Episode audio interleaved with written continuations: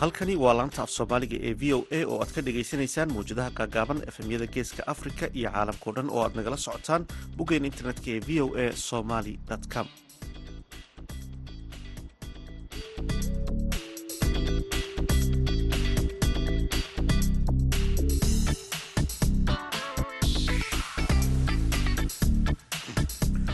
Duhur wanaagsan dhegaystayaal waa kowdii iyo barkii duhurnimo xilliga geeska afrika shantii iyo barkii subaxnimo weeyaan xilliga magaaladani washington waa maalin khamiis ah sagaaliyolabaatanka bisha disembar sanadka labada kun labaiyo labaatanka. Idaacadda duhurnimo ee barnaamijka dhallinyarada maantana waxaa idinla socodsiinaya anigoo ah xuseen barre aadan.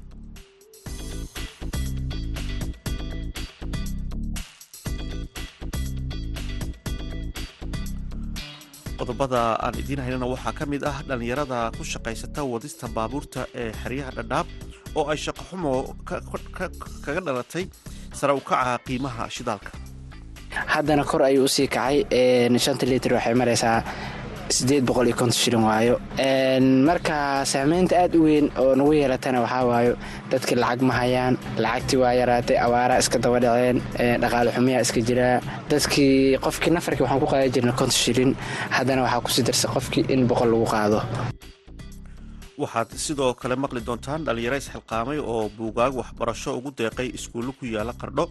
Kaalintii heesaha iyo ciyaarihii ayaa sidoo kale maqli doontaan balse marka hore waxaad ku soo dhowaataan warkii dunida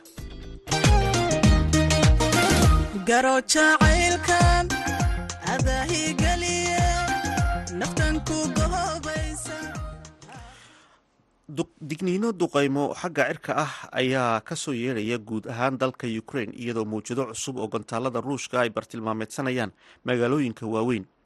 La taliyaha madaxweynaha ukraine mikhailo bodliak ayaa sheegay in in ka badan gantaal lagu soo riday dadweyne iyo weliba kaabayaasha rayidka duqa magaalada caasimada kiyev vitali krechko ayaa sheegay in ugu yaraan saddex qof oo ay ku jirto gabadh afar iyo toban jir ah loo qaaday isbitaalka kadib markii qaraxyo ay ka dhaceen magaalada. Qaraxyo ayaa laga maqlay magaalooyinka kharkif odesa leviv iyo zitomer weli waxaa yar xogta laga helayo arrinkan iyada oo qaraxyo xoogan saaka laga maqlay dhammaan magaalooyinka waaweyn ee dalkaasi ukraine. Gantaalada ruushka ayaa beegsaday dhowr magaalo oo ay ku jirto caasimada kiyev waxaana saraakiishu ay ka digayaan mawjado cusub oo duqayn ah saraakiisha ayaa ku booriyey dadka deegaanka in ay ku nagaadaan guryahooda. Balse ilawareedyo dhanka siyaasadda ah oo laga helayo dalka ukraine ayaa sheegaya inaanay weli kala cadayn in qaraxyadu ay ahaayeen. Gantaalo iyo in ay ahaayeen dhawaaqa difaaca cirka. Ciidamada cirka ee ukraine ayaa xaqiijiyey weerarka oo loo adeegsaday gantaalada cirka iyo kuwa badda marka laga soo tago tiro diyaarada ah. Weeraradan xoogan ayaa yimid kadib markii ruushku uu diiday waxaa laga soo wariyey qorshaha nabadeed ee la filayo ee ukraine isagoo carabka ku adkeeyey baahida loo qabo in kiyev amaba ukraine ay aqbasho ku daridda ruushka ee gobolka dombas gelinka dambe maanta ayaa lagu wadaa in la dhaariyo xukuumadda israa'iil oo lagu tilmaamay xukuumaddii ugu xag jirsanayd ee taariikhda dalkaasi isbahaysigan uu hogaaminayo benyamin netanyahu oo ay ku jiraan xisbiyada diimaha ee sahyuuniyadda yahuudda ayaa walaac gudaha iyo dibadda ah abuuray markii lagu dhawaaqay dhismaheeda. Waa markii lixaad ee netanyahu oo uu qabto jagada ra'iisul wasaaraha isagoo dhigay rikoor marka loo eego ra'iisul wasaaraashii hore ee israa'iil netanyahu waxa uu carabka ku adkeeyey inuu horumarin doono dulqaadka iyo raadinta nabadda laakiin saaxiibadiisa isbahaysiga ee sahyuuniyiinta mayalka adag waxay si cad uga hadleen in ay si toosa uga soo horjeedaan dhismaha dowlad ay leeyihiin falastiiniyiintu iyo xuquuqda dadka laga tirada badan yahay. Isbahaysiga cusub ayaa ku dhawaaqay tusaale ahaan in uu sii wadi doono ballaadhinta deegaameynta yahuudda ee daanta galbeed ee la haysto iyo bariga qudus. Meelahaasi oo loo arko in deegaameyntoodu ay sharci daro tahay marka loo eego sharciga caalamiga ah. Warkii duniduna dhegeystayaal waa naga intaas.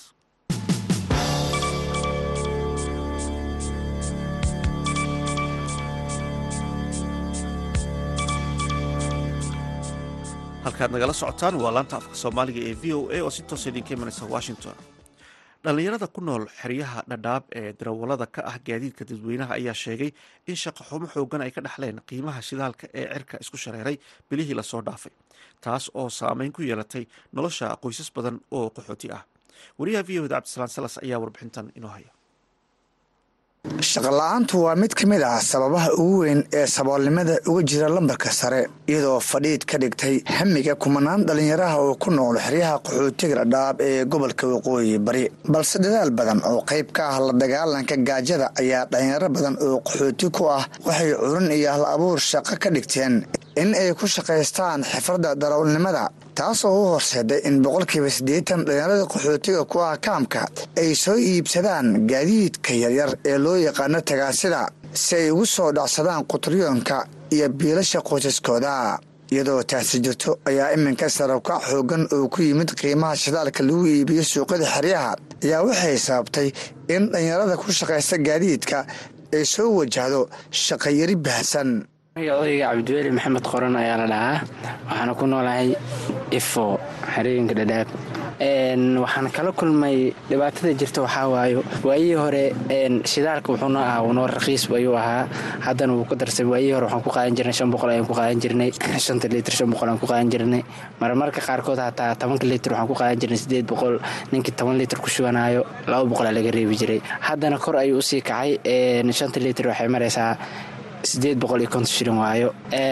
Marka saameynta aad u weyn oo nagu yeelatana waxaa waayo dadkii lacag ma hayaan lacagtii waa yaraatay abaaraa iska daba dhaceen dhaqaale xumiyaa iska jiraa. Dadkii qofkii nafarkii waxaan ku qaadan jirnay konton shilin haddana waxaa ku sii darsay qofkii in boqol lagu qaado. Waa markaad ka shaqaynaysaan xaafadaha xeryaha? Haa markaan xaafadaha ka shaqaynana waayo. Calaa qof waa boqol. Sidaa ay tahayna haddana ma awoodaan dadka inay helaan qofkiiba boqol boqol gaarigana wuxuu qaadaa shan qof ayuu qaadaa. Shantii qof oo min boqol boqol waa shan boqol. Saasaa niyadaana ay jeceshahay annaga shan boqol inaan ku baxno balse laakiin ma awoodno oo dadkii ma awoodaan. Qaar waxay ku dhahayaan konton shilina wataa qaarna boqolay wataan. Danta waxay ugu khasbaysaa markaas inaad isku ku macaabisho oo qof kastaba tabartiisa aad macaabisho ma garatay? Awaaraa iska jiraa dhaqaale xumiyaa iska jiraa gawaaridan caraday ka bateen. Waxaan qaadnay wax kalaan garagalanana heer waxaan gaarna aan iska fadhinno iyadoo taasi jirto ayaa iminka sarabkaca ku yimid qiimaha shidaalka. Wuxuu saameyn xoogan ku yeeshay dhallinyarada darawallada ah ee ka howlgala gudaha xeryaha. Dhallinyaradan qaarkood ma ahan milkilayaal ee waa kiraystayaal si gaara ay u saamaysay sarabkaca ku yimid qiimaha shidaalka. Waa kan shiine cabdi xaaji cagmadhige oo arrintaasi ugu waramay barnaamijka dhallinyarada ee v o a magacayga waa shiin cagmadhiga waxaan ku noolaa xerada qaxootiga dhadhaab dalkana kenya. Runtii shidaalka aad buu noo saameeyey sicibara ku imaaday iyo siduu qaaligu u yahaybo waxay saameey dadka masaakiinta ah iyo dadka kaleba awooda inay raacaan gabaarada kala duwan ee xaafada kalgoosho amase sida ifo iyo dhagaxle iyo xagdheer oo kale aniga wuxuu ii saameeyey shaksiya marka loo fiiriyo waxaana qof oo ka xamaalata gawaarida oona islahayn gaariga. Mida kale waa gaari waxaa ka ahay oo yacni qof oo maalinta laga qaado olmost toban dollar amase shan kenya marka loo dhigan kushin loo tahay oo laga qaado. Taa aniga aqbadima kala kulmay qofka lahaa gaariga lahaan lacag kaa rabo macruuf masruuf ay rabaan. Micnaha caqabad weyn bay taas kala kulmayaa qiimihii shidaalka awgooda iyo xaalad jirta micnaha sacbarka jir awgiis ayaa loogu daray. Wallaahi caqabad weyn waa dadka qaar way saameyn si aniga oo kale haddee qofka kureysta uu yahay oo kale. Waajib waxu ku tahay catun uu bixiyo adduunsa awoodin waxay noqon shaqadiis inuu ka tago amase shaqo kale oo micnaha ka duwan raadsado isha keliya ee shaqaabuurka u ah dhallinyarada ku nool xeryaha waa kaxaynta gaadiidka biyaalka ah ee iskaga kala goosha xaafadaha xeryaha maadaama dhallinyaradan aysan badankood u socdaali karin goobo ka baxsan saddexda xero. Waa kan maxamed cabdi oo loo yaqaano baabaxaaji oo sharaxya culayska ay ku qabaan dhinaca sharciga iyo lacaga yar oo ay ku bixiyaan bistoojooyinka gaadiidka laga raaco. Wallaahi aad bay u adag tahay. Waxaan raranaa ifo oo nafarkii min laba boqoloo shilin caadi aan ku qaadnaa. Okay mithaal markii tusaale aan kuu soo qaato shan qof ayuu qaadaa aaltada shilin shidaalkii. Waxaa laga yaabaa in la yidhaahdo in la yidhaahdo stageka waxaana laga reebayaa nafarkii sidaa ay tahayna dadkii ma wada keeni karaan labadii boqol waayo mid wuxuu ku leeyahay boqol ayaan wataa mid wuxuu ku leeyahay boqol iyo konton ayaa wataa mid xoogaa uu iska yara ladan yahay oo labadii boqol baan ka qaadnaa.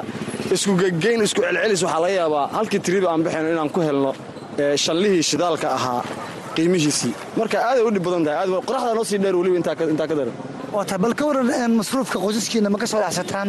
Wallaahi maya maya kama helno aad bay inoogu adag tahay aad iyo aad bay inoogu adag tahay. Haade waa meel kaloo hadda aan aadna ma lahan wax aan ku shaqa baranin waa un aaltada oo aan wadanno o aan dhaafi karin qaxootiga dhexdiisa. Weliba meelaha kale ma aadi karno waayo ma wadano lesankii internationalka ahaa ama qaxooti baanu nahay. Waxaan cabsanaynaa haddii dee waxaan wax dhaamo la heli karo. In dowladda canshuurta ay yarayso oo dee waxyaalo fara badan ay noo qabato si aan micnaha nolosheen annagan aan ku maarayno shaqayaradan soo wajahday dhallinyarada qaxootiga ah ee ku shaqaysto gaadiidka dadweynaha ayaa imaanaysa iyadoo sarako xoogan uu sameeyey qiimaha shidaalka. Tan iyo xilligii dagaalka uu ka dhex qarxay dalalka raashiya iyo ukrein taasoo si guud u saamaysay guud ahaan bulshada qaxootiga ah. Cabdisalaan salas v o a xeryaha dhadhaab halkaad weli nagala socotaana waa laanta af soomaaliga ee v o a oo si toosa idinka imanaysa washington. Markan aynu ku wada nasanno mid ka mid a heesahay ku luuqaysa fanaanada kiin jaamac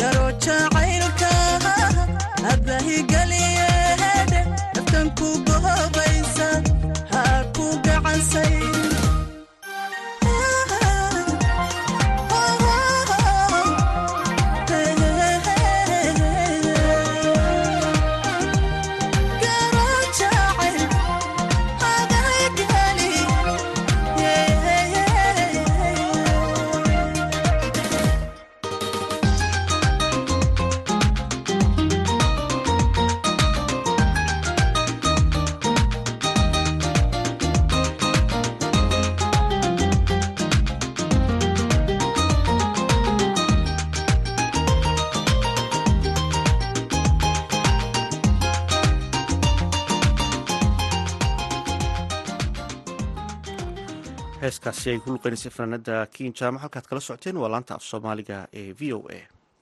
Urur dhalinyaro oo ka shaqeeya horumarinta arrimaha bulshada iyo waxbarashada ayaa bugaag waxbarasho ugu deeqay afar iskuul oo ku yaalla tuulooyin hoostaga magaalada qardho si loo horumariyo waxbarashada dugsiyada hoose iyo tan dhexe. Warbixintan waxaa soo diray wariyaha v o eda yuusuf maxamuud yuusuf ururka danwadaag ayaa buugaag ugu deeqay afar iskuul oo ku yaalla deegaanada hoostaga degmada qardho si kor loogu qaado waxbarashada asaasiga ah ee dhallinyarada ku jira xilligan taas oo ay baahi weyn u qabeen. Munaasabadan deeqda buugaagta ah inta ay socotay ayaa waxaa goobta lagu soo bandhigay shaqooyinka ururka samafalka danwadaag uu ka qabtay magaalada qardho sida ay sharaxayso sahre cali boos oo ka mid ah ururka danwadaag waxaa la aas-aasay bishii disembar caawa waxay ka mid tahay wakhtiyaadii sanad guurada aan u dabaaldegi jiray sanad kasta waxaan samayn jirnay saddex mashruuc oo wakhti aan u qabanay mana dhicin wakhti aan u qabanay inuu ka dabamaro. Sababtaa markaan qabanaynana waxaan ahaan jiray dad leh. Markaasaan qabanayna markaasaan dhammaynayna markii baanu sheegi jiray ilaahayna waa noo fududeyn jiray. Mashaariicda ay qabatay danwadaagtan caawa haddii lagu daro waa shan iyo toban waa sideed iskuul inta kaleetana waxa weeye ama ha noqoto abaaro laga qaybgalay daalad laga qaybgalay amaba laybaryeeryaal iskoolaad lagu caawan. Deegaanadan puntland oo weliba magaalooyinka laamiga ka fog oo baahiyo badan ee markaa waxbarashada ka jireen lix sano ka hor baan barnaamijkan bilownay. Waxaan ugu dheriyey waxay ahayd markii aan qiimaynay baahida ka jidha. Degmadii iskuul hoose leh waxaan ka hormarinaynay midii aan lahayn iskuul hoose. Tii iskuul hoose leh tii aan midii haysatay iskuul hoose ee dhexe waxaan mudnaanta siinaynay tii aan haysan midii dhexe. Kuwa sekandariga leh kuwa aan lahayn baa siinaynay. Qaar ka mida macalimiinta maamulka iskuulka buugaagta la gaarsiin doono ayaa docdooda ka mahad celiyay deeqdan buugaagta ah oo casharada ay ku qaadan doonaan dhallinyarada dugsiyada hoose dhexe ee deegaanada hoostaga degmada qardho. Inaan mar labaad u bogaadiyo danwadaag qaybinta bugaagta afarta dugsi oo ay u qaybinayso buugta iyadana waa soo dhoweyntii labaad. Shan iyo toban iskuul oo caawa halakan ay saare cali inoo ka sheegtay. Badidood waa ka warhaynaa annaga ka wasaarada ahaan wasaaradayda horumarinta haweenka iyo arrimaha qoyska. Hoos baan waxaan ula so waxa halkaas xaafuun haddaan ayaantaas danwadaagna alla u kicin dad fiicanoo mayal adagna gudaha wax ka dhaqdhaqaajin ayagana la wacyigelin macallinkaas iyo wixii la midana aan la helin. Habsan bay noqon lahayd siday u hadhay bay intaas ka sii fogaan lahayd. Iskuullada ee ilaahay u qadaray oo loo gartay inay buugtaan helaan caaway runtii waa buug muhiima. Waxaan caawa ku ammaanayaa danwadaag waxqabadka ka muhiimsan oo igala muhiimsan inay weli wada joogaan shaqaynayaan jeebkooda wax ka bixinayaan walaalahoodna ay saacidayaan runtii aad iyo aad baa ugu mahadsantay arrintaas. Waa arrin waxbarasho mudan waxaana rajaynayaa inaynu kaga dayan doonno. Annagu waxaanu nahay degaamadii ka faa'iidaystay danwadaag oo ay u qabatay baahiyo ka dhinnaa deegaanka sheerbi oo sekandari leh oo runtii waxyaaba la taaban karo ka qabatay. Dhinaca kale gudoomiyaha degmada qardho cabdiqaadir siciid qaal oo gebagabadii ka hadlayay deeqdan bugaagta ah loogu deeqay iskuullada hoose dhexe ayaa sheegay inay ku soo beegantay xilli ardada ay baahi weyn u qabeen bugaagtaasi islamarkaana waxbarashadooda ay wax ka bedeli doonto. Sanad guurada ururka danwadaag iyo qaybinta bugaagta afarta isku lagu wareejinayo mar koowaad oo u hambalyeynayaa danwadaag sanad guuradii lixaad inay ku jiraan shan iyo toban waxqabad oo la taaban karo oo kuwii ugu muhiimsanaan inay qabteen. Waa ku hambalyeynayaa hambalyaan leenahay urur dhaqaaqay wax badan qabtay ee aada iyo aad baan ugu hambalyeynayna. Intii ka qayb qaadatay oo asaastay oo fakarkeeda lahaa hal abuurkaa la timi intii ku raacday intii kala shaqaysay iyagana waxaan leenahay hadafkaa lahaydeen intiis badnaa waa gaarteen. Ururka samafalka danwadaag foundation ayaa ah urur inta badan ka qayb qaata arrimaha bulshada caawinta waxbarashada dhallinyarada si kor loogu qaado waxbarashadooda bugaagtan oo ay ugu deeqeen afar iskuul oo hoose dhexe ee ku yaalla deegaanada hoostaga degmada qardho ayaa waxaa la rajeynayaa in waxbarashadooda ay kor u qaadi doonaan dhallinyaradaasi islamarkaana ay ka faa'iideysan doonaan. Yuusuf maxamuud v o e bosaaso haatana dhegeystayaal waxaad ku soo dhowaataan xubintii ciyaaraha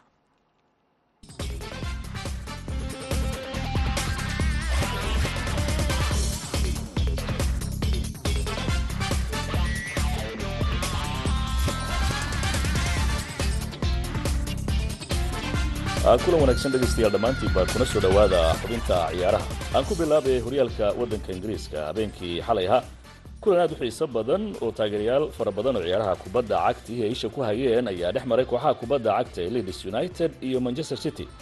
Gegida allen road ee kooxda leeds ay ku ciyaarto ayaana fooda laysku daray. Inkastoo leeds ay soo bandhigtay ciyaar qurux badan haddana kama aanay faa'iidaysanin fursadaheedii manchester city ayaa saddex gool iyo hal ku dharbaaxday oo toddobaadkan waxaadba moodaysaa kooxaha waddanka ingiriisku in ay saddex gool iyo hal ku soo ballameen. Ciyaaryahan hallan ayaa goolashaasi laba ka mida u dhaliyey kooxda kubadda cagta ee manchester city waxa uuna xidigu afar iyo toban kulan oo u saftay kooxda kubadda cagta ee manchester city uu dhaliyey labaatan gool. Haddaba kooxda kubadda cagta ee manchester city oo haatana ku soo siqday kooxda arsenaal sanadkan ma laga yaabaa horyaalka inay sideedii ugu guulaysato mise guushani noqonaysaa mid arsenaal iyo taageerayaasheeda cidhiiri gelisa arrimahaas iyo weliba ciyaaryahan cody gakbo oo liverpool ku biiray waxaa la falanqaynaya rijaal axmed xasan oo ah falanqeeye ciyaaraha kubadda cagta faalleeya kuna sugan magaalada muqdisho. Rijaal soo dhawow kooxda kubadda cagta ee manchester city xalay saddex gool iyo hal bay kaga badisay leeds united. Arsenaalna shantii dhibcood ayay ku soo celisay oo ka sarraysay kulankii xalay maxaa kaaga baxay? Kulanka xalay horta city waxay bixaysay leeds united oo kaalinta shan iyo tobanaad ku jirto shan halkii masdeen way celin kartaa aniga fakarkayga rijaal ahaan aa qabay in leeds aan ku celi karno. Aniga run ahaantii waxaa ka mid ahay anigoo ah falaaqeeya haddan waxa aa ka mid ahay taageerayaasha arsenal. Gambar xalay uma dhiganin oo waayo city awooddeeda iyo soo laabashadeedan hadda koobka adduunka kadib. Waxaas dhahay si fudud inay ku gudbi karto naadigan leeds markaad eegto laakiin kubadda ay soo bandhigtay manchester city ma waxbaa iska bedelay sidii ay horeed ka hor intaan koobka adduunka la aadin mise manchester city weli waa heerkeedii? Sidaa ogtahay koobka adduunka inta la aadin labadii kulan oo ugu dambeysay fulham laba iyo hal oo qalqiila oo xilli dambe rigoore xalan u dhaliyey brentfordna ayagaa laga badiyey xalay ciyaarta cambio hal iyo eber marka cambio lama rabaa rodri gool u dhaliyey aniga waxaas lahay city waxa waaye cariiri ayaa la geli doonaa laakiin soo laabashadii ayaa ninkan gool magafaa halan waxa waaye laba gool u fududaatay. Uu si aksiya ku dhaliyay laba gool. Laakiin city sidaa ognahay macalin guardiola farsamada iyo soo u dheelaya yani waxaas leedahayba macalimiinta adduunka waqti xaadirka ugu fiican ku jira. Hadda ciyaartooy yaryar xalay xataa consalo iyo waa fadhiisay walker ciyaartooy yaryar oo ku soo bilaaway hadda sidii waxaas leedahay city ninkan dubron allahi hadda nin aad u sarreeyo baas ahaan waxyaabo badan yani waxa waaye city. Naadi waxaa dhihi karnaa dhammaystiran waay. Waa gartay. Kooxda kubadda cagta arsenal jesus ayaa ka dhaawacmay. Weli shan dhibcood ayay ku hogaaminaysaa. Horyaalka sidoo kale saddex iyo hal bay ku soo badisay. Waxaa tiri anigu taageero weyn oo arsenaal aan ahay. Marka laga yimaado taageeranimadaada sanadkan ma isleedahay arsenaal horyaalka way qaadi kartaa. Inkastoo ciyaaryahankii weerarka ah kooxda ku tiirsanayd uu ka dhaawacan yahay sidaa ogtahay jesus laba kow toban kulan oo hore gool nooma dhalin laakiin wuxuu ahay nin xoogaa dhiirageliya ciyaartooyda oo fagfagtiisa iyo raacashadiisaas ay badanto handada difaacyada boosisha fiicana noo taagan saas ay tahay hadda waxaa booskiisa galay ketia. Habeen dhaweedna shaqadii loo diro wuu qabto oo ah lambar nine inuu istaago goolna waa dhaliyey martinelli shaqadooda weli waa haystaan. Laakiin arsenal waxay u badan u baahan tahay ciyaartooy dheeraada. Hadda sidaa ogtaa waxay la soo wareegi rabtaa makail mudri oo laacibka shaktar iyo wadanka ukraine u dhashay. Sidoo kale waxay u baahan tahay arsenal laba iyo saddex ciyaartooy oo dheeraada. Waa dhihi karaa marka waayo weli fanol fara kama qodno. Ciyaar badanaa dhiman. Sanadkan laakiin arsenal arsenaltaa naqaani ma ahan. Arsenal waxaa ujeednaa firfircoon raaxasho leh handadaad leh. Arsenal gool intii lagala hormaro soo laaban karto. Arsenaltii hore markii gool laga dhaliyo naadi iska niyo jabay ahaa jirto marka sanadka waxyaaba badan dhiirigelinta ani waxay gelinaa wax waayo. Arsenal sanadkan inay koobka qaadan karto. Laakiin waxaad ku xiraysaa inay kooxdu weliba ciyaaryahanna ay u baahan tahay weerar iyo qadka dhexe iyo baalayaabs hadday noqoleed. Waa tahay. Haddaan dhinaca iyo kooxda kubadda cagta liverpool aadno xidigii manchester united ay ku faataxaysanaysay ee lahaa man u buu tegayaa way afduubatay cody gakbo oo waxa uu ku biirayaa kooxda kubadda cagta ee liverpool. Liverpoolna markaad eegto dhinaca weerarka ciyaartooy fara badan ayay haysataa. Marka xidigan muxuu ku soo kordhin karaa kooxda kubadda cagta ee liverpool? Horta ciyaaryahankan united aad u rabtay. Macalinka waxaa lis dhahay waa si fudud ku qaadan karaa maadaama hore kooxda ajax ciyaartoy uga soo qaatay. Laakiin habeenkooda waxaa lagu soo baraarugay in liverpool qaadatay. Gobbo saasay tahay aniga fakarkayga rijaal ahaan masdaay wax badan uu ku soo kordhin karaa. Waayo hadda liverpool lambar barneen iyo boqol milyan ka soo bixisnin oo nunas sidoo kale saalax waa u joogaa haddana waxaa diyaasi aa soo kacaya. Marka bogba saa ognahay lambarneenta somaahan lambar ten waaye. Liverpoolna meeshay la aday yani waxa waaye. Dhaliskaas oo maxamed saalaxna hadda sidii hore uusa ahayn ninkan nunas ee boqolka milyan ka soo bixiyeenna iba loogu yeeraba waxa waaye new andy carol fakarka ani qabayna dal badan dad badan ay la qabaan ma dhali karaa yani goolal badan lambarneen ma noqon karaa sidaa ognahay holland koobka adduunka gruubka saddex gool dhaliyay ciyaartii qatar ecuador iyo senegal markii laga soo baxayna israaabka waxba muusa dhalin hadda gogba markaa lambar nine ma ahan lambar ten ma yani alcantar ma booska loogu dhili doonaa babino iyo hor istaaga lambar ten ahaan u dheeli doonaa ma babino teega ka dambeyn doono lambar nine ninkaan isma dhahay wuu dheeli karaa waayo liverpool saddex disha maxamed saalax iyo diyaas dika baa la saaro jota iyo fermino iyo nunas iyagoo liverpool ninka waxaad leeyaaba in khasaare inuu soo gato wax badan ku soo kordhin doonin marka maxamuud osbeli inay liverpool ninka ku faa'iidi doonto waa tahay aad baad umahadsan tahay kaasi waxa uu ahaa rijaal axmed xasan oo ciyaaraha falanqeeya oo isagoo ku sugan magaalada muqdisho barnaamijka marti uu ahaa islamarkaasina tilmaamay liverpool inaanay wax badan ka faa'iidi doonin ciyaaryahan cody gakbo haddaba la arki doonay halka xidigaasi iyo liverpool ay caga dhigtaan. Waa tahay dhegaystayaal xubinta ciyaaraha inta ayaan ku soo gabagabaynaya tan kulan dambe waa mascad idila sida iyo nabadgelyo. Aad ayuu mahadsan yahay maxamuud mascade oo inala socodsiinaya xubintaasi ciyaaraha halkaad kala socoteenna waa laanta af soomaaliga ee v o a oo si toosa idinka imanaysa washington. Mar kale haddaan dhegeystayaal qodobadii wararka caalamka idiin dulmaro digniino duqeymo xagga cirka ah ayaa ka soo yeedhaya guud ahaan dalka ukraine iyadoo mawjado cusub oo gantaalada ruushka ah ay bartilmaameedsanayaan magaalooyinka waaweyn ee dalkaasi. La taliyaha madaxweynaha ukraine mikhailo bodvlak ayaa sheegay in in ka badan boqol iyo labaatan gantaal lagu soo riday dadweynaha iyo kaabayaasha rayidka. Duqa magaalada kiev vitali krichko ayaa sheegay in ugu yaraan saddex qof oo ay ku jirto gabadh afar iyo toban jir ah loo qaaday isbitaalka kadib markii qaraxyo ay ka dhaceen magaalada qaraxyo ayaa laga maqlayay magaalooyinka kharkiv odesa lviv iyo zitomer. Weli waxaa yar xogta laga helayo iyada oo qaraxyadu xoogan saaka la maqlay dhammaan magaalooyinka waaweyn ee dalka ukraine. Markana dhegeystayaal aynu ku wada nasanno mid ka mid ah heesahan idinku talagalnay taas oo aanu idinku macasalaameyn doono waa dhammaan bahda laanta af soomaaliga v o eda iyo nabadgelyo